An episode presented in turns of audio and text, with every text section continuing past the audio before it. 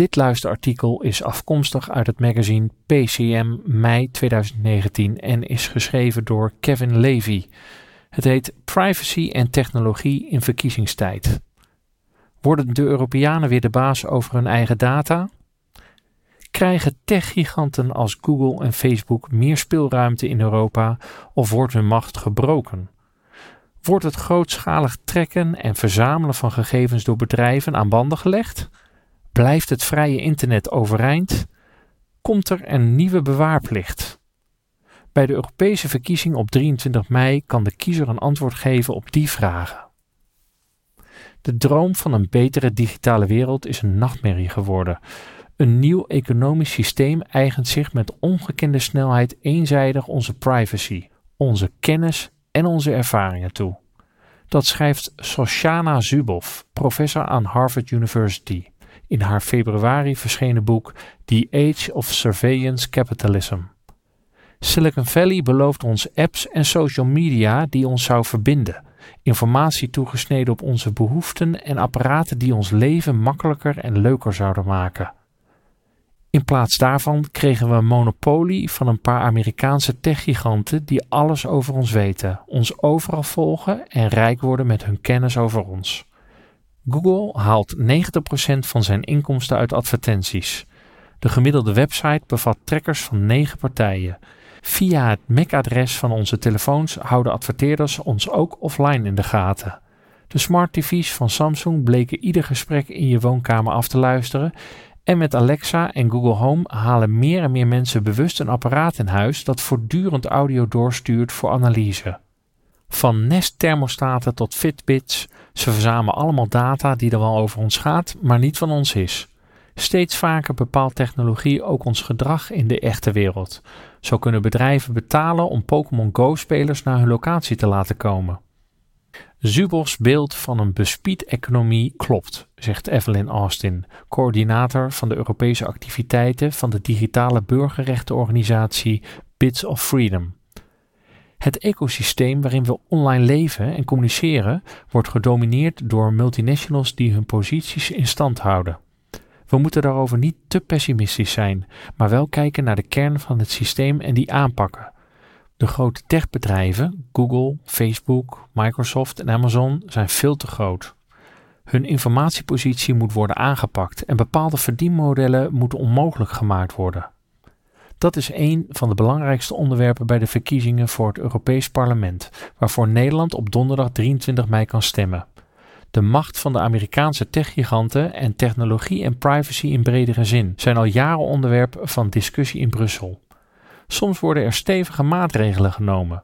Vorig jaar kreeg Google een boete van 4,3 miljard euro van de Europese Commissie voor misbruik van zijn machtspositie met het Android-besturingssysteem. De nieuwe Europese privacyrails die in 2018 ingingen, treffen vrijwel alle bedrijven en organisaties.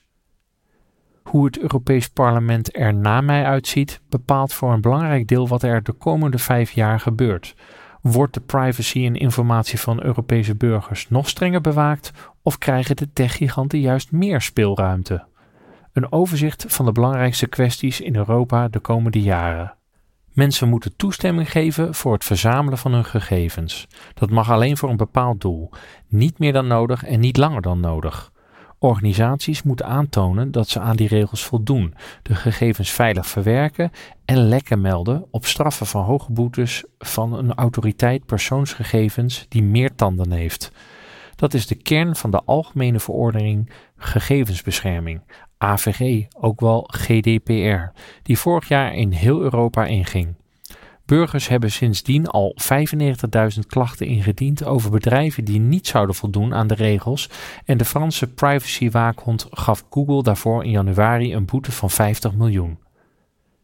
Bits of Freedom had graag gezien dat de AVG nog verder ging. Zo zijn de regels voor het analyseren en verwerken van geanonimiseerde data nog te soepel. Maar de wet is wel een flinke stap vooruit en biedt belangrijke handvaten, zegt Evelyn Austin. Zo is de huidige vorm van behavioral advertising, data verzamelen om gepersonaliseerd te adverteren, eigenlijk onmogelijk onder de nieuwe regels. We gaan de komende tijd veel rechtszaken hierover zien, want eigenlijk verbiedt de AVG gewoon de core business van veel advertentienetwerken. Sociana Zuboff bevestigt in haar boek dat het er nu op aankomt hoe de AVG geïnterpreteerd wordt. Die interpretatie kan door rechters gevormd worden en door burgerbewegingen beïnvloed worden. Waarschijnlijk zal het Europees Parlement kort na de verkiezingen stemmen over e-privacy, aanvullende privacyregels die gaan over elektronische communicatie. Dat gaat niet alleen over berichten en metadata van WhatsApp, Skype en Gmail, maar ook over de vraag of makers van hardware en software uit moeten gaan van privacy by design, verwerking van data minimaliseren en privacy by default. Standaard geldt de hoogste privacy-instelling. Volgens peilingen vindt zo'n 80% van de Europeanen dat een goed idee, maar dat wil niet zeggen dat de voorstellen het gaan halen. Er wordt op dit moment flink over gevochten. Corporate European Observatory, een organisatie die de bedrijfslobby in de EU monitort, stelt dat er nog nooit zoveel gelobbyd is over een wetsvoorstel als over e-privacy. Zowel adverteerders als technologiebedrijven steken daar miljoenen in. Alleen al Google heeft 15 mensen rondlopen in Brussel met een jaarbudget van 6 miljoen. Ook het Europese auteursrecht gaat op de schop. Daarover heeft het Europees Parlement ingestemd met nieuwe regels. Tegenstanders van de nieuwe auteursrichtlijn stellen dat deze neerkomt op een linkbelasting en een uploadfilter. Voor een link naar een nieuwsbericht waarbij de titel en een fragment van een artikel wordt gepubliceerd, zouden uitgevers voortaan betaald moeten worden. En platforms als YouTube, Flickr en Instagram moeten straks actief zorgen dat teksten of video's die auteursrechten schenden worden geweerd. In de praktijk betekent dat waarschijnlijk dat de platforms een streng uploadfilter installeren, met het risico dat legitieme posts of video's niet meer kunnen worden geplaatst. Een filmpje maken met een fragment van een speech van Mark Rutte en je reactie daarop mag straks dan niet meer. Privacyorganisaties maken zich daarom zorgen over de plannen en ze zijn bang dat deze juist ook de grote platforms in de kaart spelen. YouTube, Facebook en Twitter hebben het budget om hun geavanceerde automatische filters aan te scherpen en zo aan de regels te voldoen, terwijl kleinere websites dat niet kunnen. Een groot aantal organisaties, van de Electronic Frontier Foundation tot Creative Commons, is een campagne gestart om de richtlijn tegen te houden www.saveyourinternet.eu en heeft een site gemaakt waarop burgers kunnen laten weten dat ze in mei alleen zullen stemmen op kandidaten die tegen uploadfilters zijn. Als bedrijven en overheden zo'n grote inbreuk op onze privacy maken, waarom accepteren burgers dat dan? Silicon Valley heeft zijn werkwijze, het verzamelen van alle mogelijke data over ons en ons gedrag daarmee analyseren en sturen, lange tijd getooid als vooruitgang en als een onvermijdelijkheid. En veel mensen zijn dat gaan geloven. Maar, zegt Soshana Zuboff, de concentratie van buitenproportioneel veel macht en kennis bij enkele multinationals is helemaal niet inherent aan de gebruikte technologie. We moeten hun macht breken en werken aan alternatieven. In de Europese politiek wordt met name aan de linkerzijde steeds vaker gesproken over het gedwongen opbreken van bedrijven als Google en Facebook. Dat zou hun macht tijdelijk verkleinen, maar uiteindelijk kan een van de nieuwe bedrijven opnieuw de grootste worden. We moeten daarom daarnaast hun informatiepositie aanpakken en daarmee het netwerkeffect verkleinen, zegt Evelyn Austin. Dat kan door het afdwingen van dataportabiliteit, je mag gegevens altijd meenemen naar een ander bedrijf. En interoperabiliteit. Gebruikers van concurrerende diensten kunnen met elkaar communiceren. En met een strikte handhaving van de nieuwe privacyregels kunnen we bedrijven dwingen een ander businessmodel te ontwikkelen. Als gebruikers bespioneren en met hun data geld verdienen niet meer mag, zullen ze hun geld ergens anders vandaan moeten halen. Gebeurt er niets, dan is de kans groot dat de macht van de techbedrijven zich nog verder uitbreidt. Ook omdat het Internet of Things, het aantal apparaten en sensoren dat ons gedrag monitort, steeds groter wordt.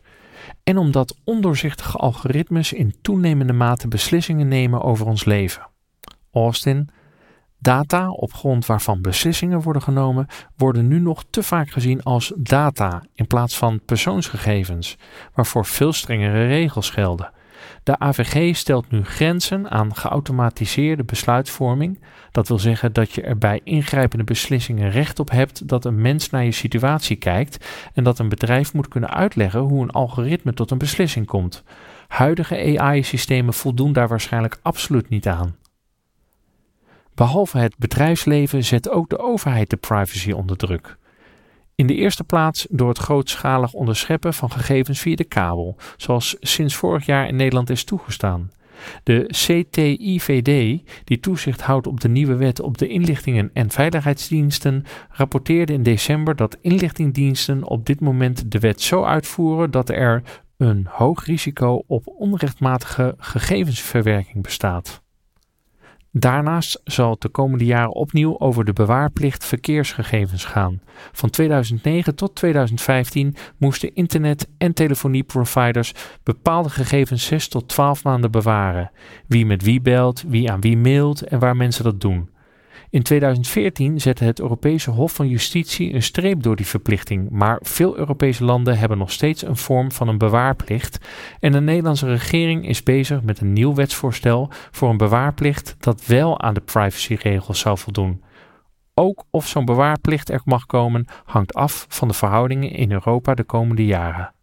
Er staan grote zaken op het spel in Europa de komende vijf jaar en er valt dus wat te kiezen in mei.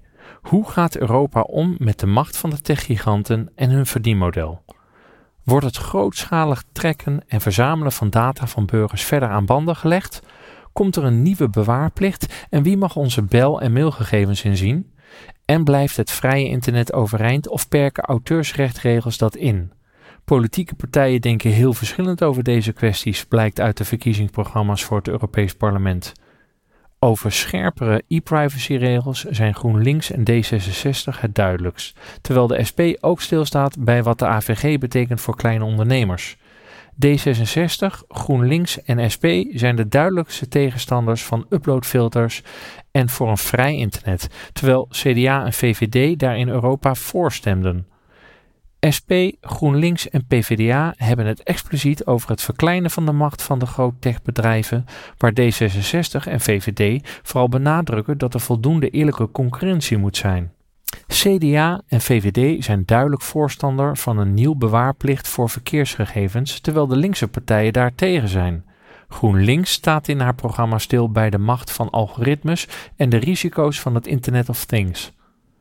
D66 en de SP pleiten verder voor het herzien of opschorten van Privacy Shield. Afspraken waardoor gegevens van EU-burgers in de VS kunnen worden opgeslagen. In het programma van de PVV, 1 A4'tje, komt privacy niet voor, maar de partij stemde in het verleden meestal voor privacy beperkende maatregelen. Bij de verkiezingen voor het Europees Parlement blijven veel mensen thuis. Vijf jaar geleden was de opkomst slechts 37 procent.